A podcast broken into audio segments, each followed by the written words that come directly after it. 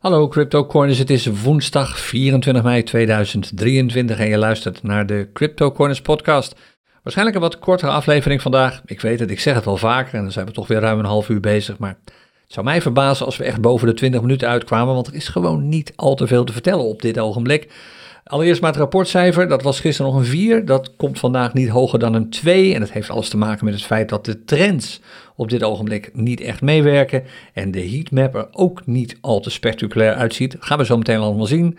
Voordat we de charts erbij pakken, even wat kort nieuws. Allereerst nieuws van onszelf. Vanavond, je weet het misschien om half acht, ben je van harte welkom om erbij te zijn als we gaan live traden in ons Crypto Coiners Café op YouTube. De link zie je nu ook in beeld als je meekijkt www.cryptocorners.nl slash café. En morgenavond, er is wat onduidelijkheid over of dat kan doorgaan, maar in principe staat er nog steeds op de rol. Een uh, nieuwe bijeenkomst in ons Crypto Corners Clubhuis, gepresenteerd door Kevan. Uh, zoals ik zei, het is niet helemaal zeker of het kan doorgaan. Uh, morgenochtend heb ik dat 100% duidelijk en dan heb ik het er dus nog even over in de podcast. Maar houd anders gewoon even die link in de gaten www.cryptocorners.nl slash clubhuis. En dan Patreon, het platform waar we nu ook heel actief op zijn. Speciaal als je geïnteresseerd bent om meer te doen met je eigen mindset. De manier waarop je omgaat met geld, werkt met geld en geld voor jou gaat werken. En dus ook crypto. De eerste Money Professionals podcast die staat sinds volgens mij twee dagen live. En er komen steeds meer leuke reacties op. Vandaar ook even een shout-out naar een van de mensen die dat deed op Patreon. Dat is Colin. En Colin die schreef, fijne podcast om naar te luisteren. Ik ben heel benieuwd naar de volgende podcasts. Nou Colin, die komen eraan. Er staan er flink wat op de rol en de onderwerpen, ik kan je beloven, zijn absoluut interessant. Vooral omdat ze eigenlijk in heel weinig gevallen al op andere plekken uh, binnen het cryptocoiners ecosysteem zijn besproken. De, de content die wij maken voor Patreon is echt compleet nieuwe content. Dus er zijn dus niet bestaande dingen die we opeens op Patreon gaan doen of zo. Dus niet meer van hetzelfde, maar juist nieuwe dingen. En met name, zoals je waarschijnlijk al hebt gemerkt, gericht op mensen die echt op een serieuze manier aan de slag willen met beleggen, met traden, met hun eigen emoties, met alles wat erbij komt kijken om uiteindelijk een succesvolle money professional te worden. Oké, tot zover Patreon. Oh nee, één dingetje nog. Volgende week, dinsdag, volgens mij om half acht. Het kan ook zeven uur zijn, maar dat vind je begin volgende week wel op Patreon terug. De volgende mini-clinic die wordt gegeven. En ook wat de inhoud van die mini-clinic is, lees je eerdaags natuurlijk op Patreon. Tot zover intern nieuws. Dan even extern. Misschien had je het al gehoord. Als je wat langer meedraait in de cryptowereld, laten we zeggen langer dan sinds januari, en die kans is groot, want er komen relatief weinig nieuwe crypto mensen bij op dit ogenblik. De stemming is er gewoon niet naar. Maar als je wat langer meedraait, dan ken je FTX waarschijnlijk nog wel. Dat handelsplatform dat een geduchte concurrent werd, of wilde worden eigenlijk, van Binance. Nou, dat is niet helemaal gelukt, want dat platform is een beetje omgevallen en dat komt met name natuurlijk door het uh, gedrag van die hele flamboyante CEO Sam Bankman-Fried, die uiteindelijk via mismanagement en misschien nog een paar andere dingen, hij ziet niet voor niks in de gevangenis op dit ogenblik natuurlijk, is dat platform omgevallen, failliet gegaan. Nou, daar blijft het misschien niet bij, want inmiddels is er een nieuwe grote baas, dat is John Ray III. En die CEO heeft al eerder aangekondigd, begin van dit jaar al, dat hij van plan was om een nieuwe versie van FTX uh, op de markt te zetten. Nou, dat wordt allemaal steeds concreter, want er zit flink wat geld in kas. Hij had in januari al zo'n 5 miljard dollar ter beschikking, wat er gewoon nog steeds was. En inmiddels is dat nog meer geworden, want ze hebben overal geld vandaan weten te halen, wat blijkbaar nog niet door Sam Bankman-Fried was uitgegeven. Inmiddels is er een oorlogskas van ruim 7 miljard dollar. En dat geld wil die meneer uh, John Ray III gaan gebruiken om FTX 2.0 in de markt te gaan zetten. Nou, de markt reageert daar relatief gemengd op. Sommige mensen zijn heel erg blij, die zeggen fantastisch, want dit, biedt de kans uh, om je geld terug te krijgen als je nog steeds uh, geld hebt staan op of geld bent verloren aan FTX. En anderen zeggen van hou nou toch eens op met het FTX, het heeft zoveel schade gedaan aan de geloofwaardigheid van crypto. Het heeft de industrie zo ontzettende klap gegeven. Wegblijven bij FTX, stop met die naam FTX. En wat natuurlijk wel interessant is om te zien is dat de munt, de FTX-munt, dat is de FTT, sinds dit nieuws naar buiten kwam, inmiddels alweer met ruim 10% is gestegen in prijs. Niet in waarde, denk ik, maar in ieder geval wel in prijs. Interessant. Dus als je speculeert, of als je misschien nog wat verdwaalde FTT's had liggen, heb je daar waarschijnlijk al een mooie winst op zien verschijnen. Of in ieder geval een minder groot verlies op zien verschijnen. Want de kans is natuurlijk erg groot dat die munten, die misschien al een tijd had, onder water stonden. Vanwege het faillissement. Nou, ze staan nu echt niet opeens boven water. Dus voor mensen die die munten nog steeds hebben, is dit misschien wel goed nieuws. Maar er moet heel veel gebeuren voordat, naar mijn mening, het nieuwe FTX, FTX 2.0 zoals al wordt genoemd, daadwerkelijk een succes wordt. We gaan het allemaal wel zien. En we gaan naar de charts. Voordat we dat doen, eerst even kort de update over uh, het handelsvolume. Gisteren was het natuurlijk al niet al te denderen. Volgens mij hadden we gisteren 23 muntparen of zo, bitcoin muntparen met een handelsvolume meer dan 50 bitcoin. Nou, het zijn er nu ook, geloof ik, 23, 21, 22 of zo. Kortom, nog steeds extreem weinig handelsvolume. Dat wordt niet echt veel meer op het ogenblik. Kan haast ook niet. Het is natuurlijk eh, voorjaar, het is mooi weer, het is komkommertijd. Mensen zijn met andere dingen bezig. Er is instabiliteit in de markt, sentiment is niet goed. Ik vertel je niks nieuws, maar er is in ieder geval genoeg te handelen. Dat merk ik ook als ik de commentaren lees in onze Telegram chatgroepen en natuurlijk op onze Discord samen traden server. Er wordt best wel veel getraind op dit ogenblik. En dat kan vaak ook wel. Zeker als je aan het traden bent met op dit ogenblik de CryptoCoiners 2 strategie. Zometeen ga je zien waarom dat is. Eerst pakken we de charts er even bij en kijk je mee op YouTube. Dan heb je hem nu voor je staan, de Bitcoin dagchart. We zijn er snel mee klaar, want de chart ziet er eigenlijk min of meer hetzelfde uit als al een week lang. Nauwelijks prijsbeweging. Jammer is dat de stijging die we gisteren zagen richting de 27.000 zone, of zelfs in de 27.000 zone, dat die alweer van de baan is, want de prijs stond gisteren nog boven de 27.000, een paar honderd dollar zelfs, en nu staat hij er alweer een paar honderd dollar onder. We hebben na de groene candle van gisteren op dit ogenblik, maar ja, de dag is nog jong, een rode candle staan. Morgen gaan we kijken of hij toch weer groen is geworden. Het lijkt er op dit ogenblik nog niet op. Dat zul je zo meteen gaan zien als we de urenchart erbij nemen. En voor de rest, eigenlijk het meeste op deze chart is gewoon nog steeds bearish. Er zit één leuk dingetje te zien en dat is de Unbalanced Volume Indicator. Die krabbelt echt omhoog. Het laatste stukje wil je niet meenemen, want dat gaat over de candle van vandaag. Maar je ziet hier gewoon een toenemende Unbalanced Volume Indicator. En die omgekeerde parabolic stop and reverse die we gisteren al zagen, is er nog steeds. Maar, belangrijk om te zeggen, de feitelijke support en resistance waarde, of met name de trendwaarde, de trendaanwijzende waarde van een parabolic stop and reverse indicator, is nul als de prijs zich zijwaarts beweegt. Het ding heet niet voor niks parabolic stop and reverse indicator. En iedereen die in deze chart nu, vanaf vorige week zaterdag tot en met nu, een parabolische prijsbeweging ziet, hmm, misschien toch maar even een nieuwe bril gaan kopen, want dit is natuurlijk geen parabolische prijsbeweging. En dat maakt deze indicator, als het gaat om trendaanwijzingen, totaal uh, onbruikbaar. Maar het is toch goed om te zien dat de prijs in ieder geval onder de huidige, uh, of de indicator in ieder geval onder de huidige prijs staat. Hij staat, en dat laat al zien, zijwaartse beweging, hij staat op het niveau van de huidige trough, het huidige dal, 25.800. Belangrijke grens, daar willen we dus absoluut niet doorheen zakken op dit ogenblik. En toch zijn er verwachtingen dat het wel gaat gebeuren. Het is niet vaak zo dat je, als je crypto-analisten zo een beetje bekijkt en doorleest, uh, dat je eigenlijk twee meningen ziet. Polariserend lijnrecht tegenover elkaar. De ene groep zegt van we gaan absoluut eerst omhoog. Ik hoor zelf bij die groep. Ik ga ervan uit dat 30.000 absoluut haalbaar is. En de andere groep zegt nee, we gaan eerst naar beneden. We gaan de 22.000 halen. Dus de fronten staan een beetje tegenover elkaar. Groep 1 zegt 30.000, dat is het volgende koersdoel. De andere groep zegt 22.000 ben heel benieuwd hoe jij hierover denkt trouwens. Uh, dus doe me een plezier en we gaan ze gewoon morgen even voorlezen. Reageer even op deze podcast. Dat kan op onze eigen pagina, gewoon de podcastpagina. Maar kan ook op YouTube als je deze podcast daar volgt. Denk jij dat we eerst de 30.000 gaan zien of gaan we eerst de 22.000 zien? Welke van deze twee prijzen van Bitcoin komt het eerst voorbij? En mijn mening is, ik denk dat we eerst de 30.000 gaan zien. Hoe ver we daar op dit ogenblik ook nog vanaf staan. Trouwens, we staan net zo ver van de 30.000 af als van de 22.000. Bijna net zo ver. Dus uh, ik ben benieuwd wat je daarvan vindt. Verder, de dagchart. Bearish blijft hij gewoon nog steeds. Een licht bullish verwachtingssignaal van die unbalanced volume indicator. Maar er moet eerst op de urenchart wat gebeuren. Wat ik dus ook al zei. Voordat die dagchart kan omkeren. Nou, daar leek het gisteren wel op. Want je ziet nog steeds die een beetje spontaan getekende pieken en dalen staan op die urenchart, steeds hoger wordend. En natuurlijk, vlak nadat de podcast klaar is, knalde de prijs naar beneden. En die knal kwam helemaal om 5 uur vanochtend. Toen kwam er wat uh, minder goed nieuws uit Amerika. Hop, de prijs ging naar beneden. En inmiddels staat de prijs alweer onder, in ieder geval de MA50 en de MA20. En het lijkt erop dat we binnen nu en de komende paar uren ook een cross gaan zien van die MA20 en die MA50. En dan hebben we weer te maken met een klassieke Barry-situatie.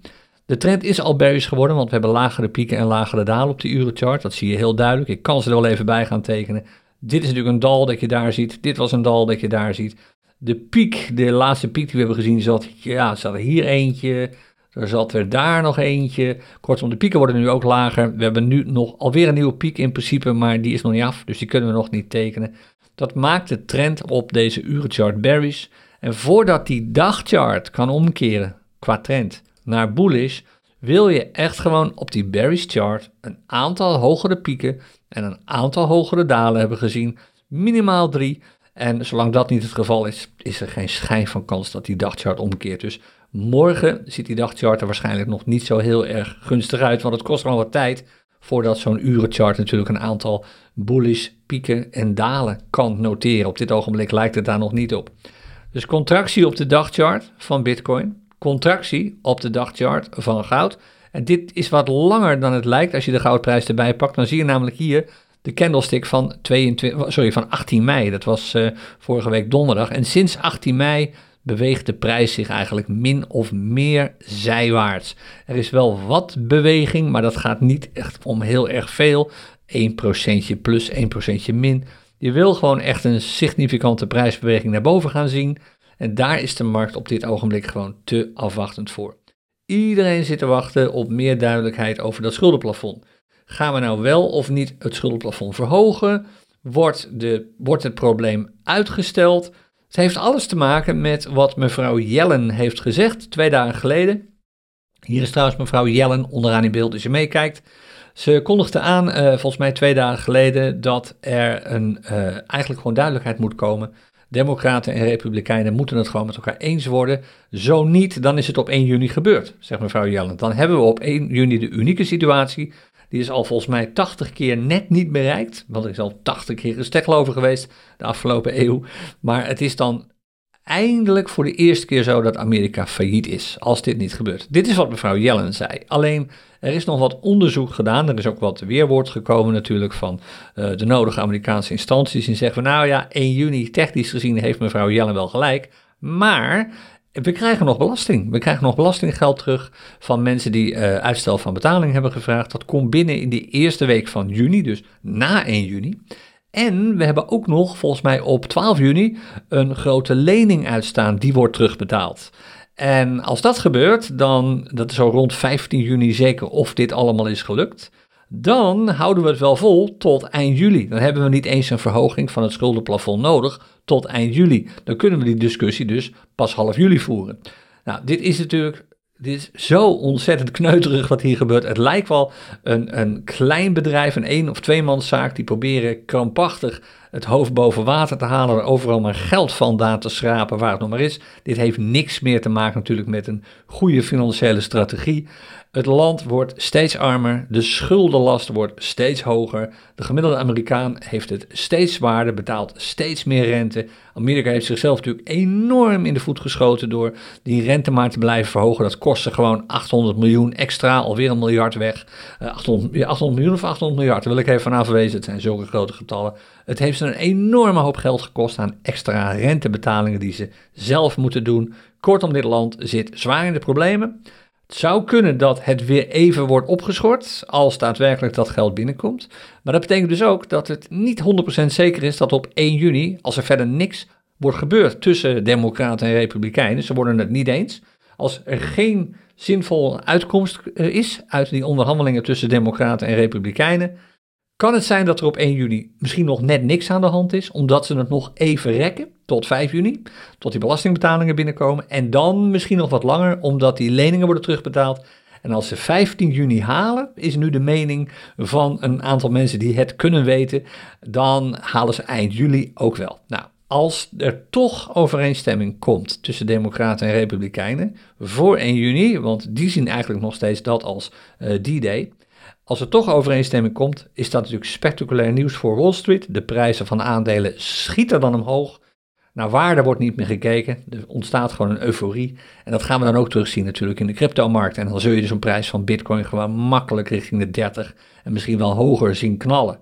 Maar als die overeenstemming niet komt, is er nog een lichtpuntje, namelijk Amerika krijgt het even voor elkaar nog wat geld te creëren en daardoor dit probleem weer voor zich uit te schuiven. En ook daar reageren financiële markten dan weer opgelucht op. Het laat zien hoe wankel het op dit ogenblik allemaal is. Niet alleen qua geld, dus niet alleen qua financiële stabiliteit, maar ook qua sentiment. En je ziet ook weer terug aan de chart die nu voor mij staat, de Fear and Greed Index, die staat nu op 66. En gisteren stond hij volgens mij, ik kijk even snel, ja, stond hij op 70, was hij hoger dan dat hij nu is. Dus het is alweer een beetje teruggelopen. We gaan het meemaken, zou iemand anders zeggen. Veel hangt gewoon af van uh, wat er de komende dagen aan daadwerkelijke informatie naar buiten komt en aan geruchten, want daar reageert de markt natuurlijk ook op. Dus houd dat in de gaten, ook als je met crypto aan het handelen bent. Je ziet hoe snel dat gisteren ging als je die Bitcoin-urenchart erbij pakt in één klap, en dit was eigenlijk alleen maar een nieuwsitem dat naar buiten kwam, in één klap daalde opeens die prijs van Bitcoin zomaar weer met, en dit was best heftig, 1,2% in een uurtijd. Hoppa, dit gaat niet om een dagwaardeverschil, maar een uurprijsverschil. 1,2%. Dat herstelt vast wel weer, zoals het altijd herstelt. Maar je zult maar net in een aantal trades zitten terwijl je dit overkomt. Daar wil je dus op dit ogenblik gewoon snel uit zijn. Blijf vooral niet al te lang in die trades zitten. Nou, dat was de Fear and Greed Index op Wall Street. Dan gaan we even naar de heatmap. Die is roze geworden. Gisteren was die nog groen, nu is hij weer roze geworden. Dat verklaart ook het uh, veel lagere rapportcijfer op dit ogenblik. De gemiddelde prijs van zo'n beetje alles, behalve natuurlijk dollar, die is gelijk gebleven als je in dollars uitdrukt, is natuurlijk gedaald. Uh, met uh, de Bitcoinprijs met bijna 2%. Ether ook trouwens, BNB 1,4%, Ripple ruim een procent. Kortom, de grote jongens en meisjes doen het niet lekker op dit ogenblik. Uh, dat herstelt natuurlijk allemaal wel weer, maar dit is een logische volg van, de, van het nieuws wat vannacht om vijf uur kwam. Niet zo heel spannend, was eerder een gerucht dan echt nieuws over een groter probleem in Amerika. Hop, daar gaan die prijzen weer. Um, wat zegt de scanner hierover? Ook interessant om natuurlijk even te bekijken. Er zijn best wel uh, bullish markten op dit ogenblik nog. Kijk maar, Neo 72% bullish, Waves bijna 100% bullish zelfs. En dat zie je ook terugkomen als we kijken naar de trend op de Bitcoin-markt op dit ogenblik. Daar beginnen we even mee. Die was gisteren ook al bullish, anderhalf procent. En de dag daarvoor volgens mij zelfs ook al. En die is op dit ogenblik nog meer bullish geworden zelfs. Hij was anderhalf procent bullish.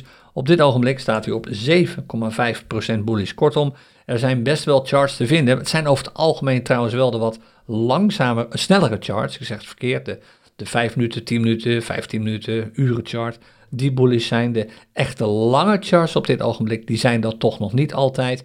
En wat opvalt is, dat ga je zo meteen wel, dat zie je nu al terug eigenlijk.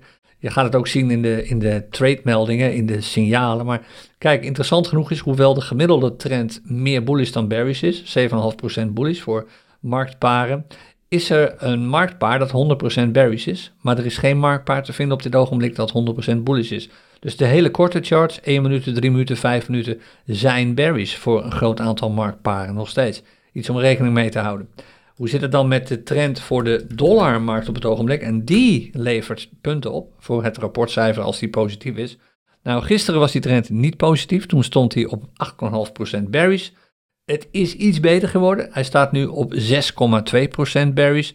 Kortom, uh, het is allemaal wat minder beroerd dan het was. Maar al te veel is het nou ook niet verbeterd.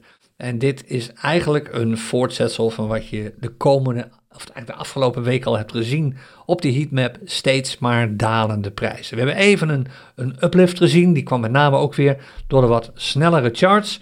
Maar op dit ogenblik is de dollartrend in de meeste gevallen toch nog steeds bearish.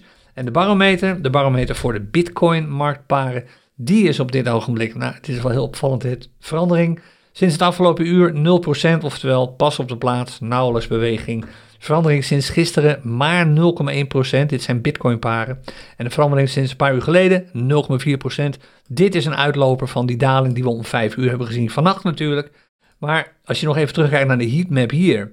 die over het algemeen natuurlijk roze is, deze. En we vragen dan de barometer op van de dollarmarkten, dus de USDT-barometer. Dan zul je zien dat deze dagdaling gewoon is terug te zien. 1,6% in de min. En ook zelfs over de afgelopen 5 uur nog, eh, sorry, 4 uur nog, 0,3% in de min. Dit komt dus opnieuw sinds de melding van 5 uur vannacht, of de daling van Bitcoin sinds 5 uur vannacht. En je ziet nu wel dat het weer een beetje begint op te krabbelen. Maar je ziet als je die meldingen krijgt, Solana bijna helemaal bearish. En dan vervolgens Cent al een beetje bullish. GMT al een beetje bullish. Er is dus wel te traden op het ogenblik. Als je kijkt naar de barometer die we net nog hadden staan, is het oppassen geblazen met de klassieke crypto strategie, want er is gewoon eigenlijk geen beweging. Als je de zeker tweede clinic hebt gevolgd, dan weet je, dit is niet het moment om te gaan traden. Dus kijk uit wat je doet. Weinig prijsbeweging op het ogenblik en evengoed nog steeds dalingen op de wat langere intervallen.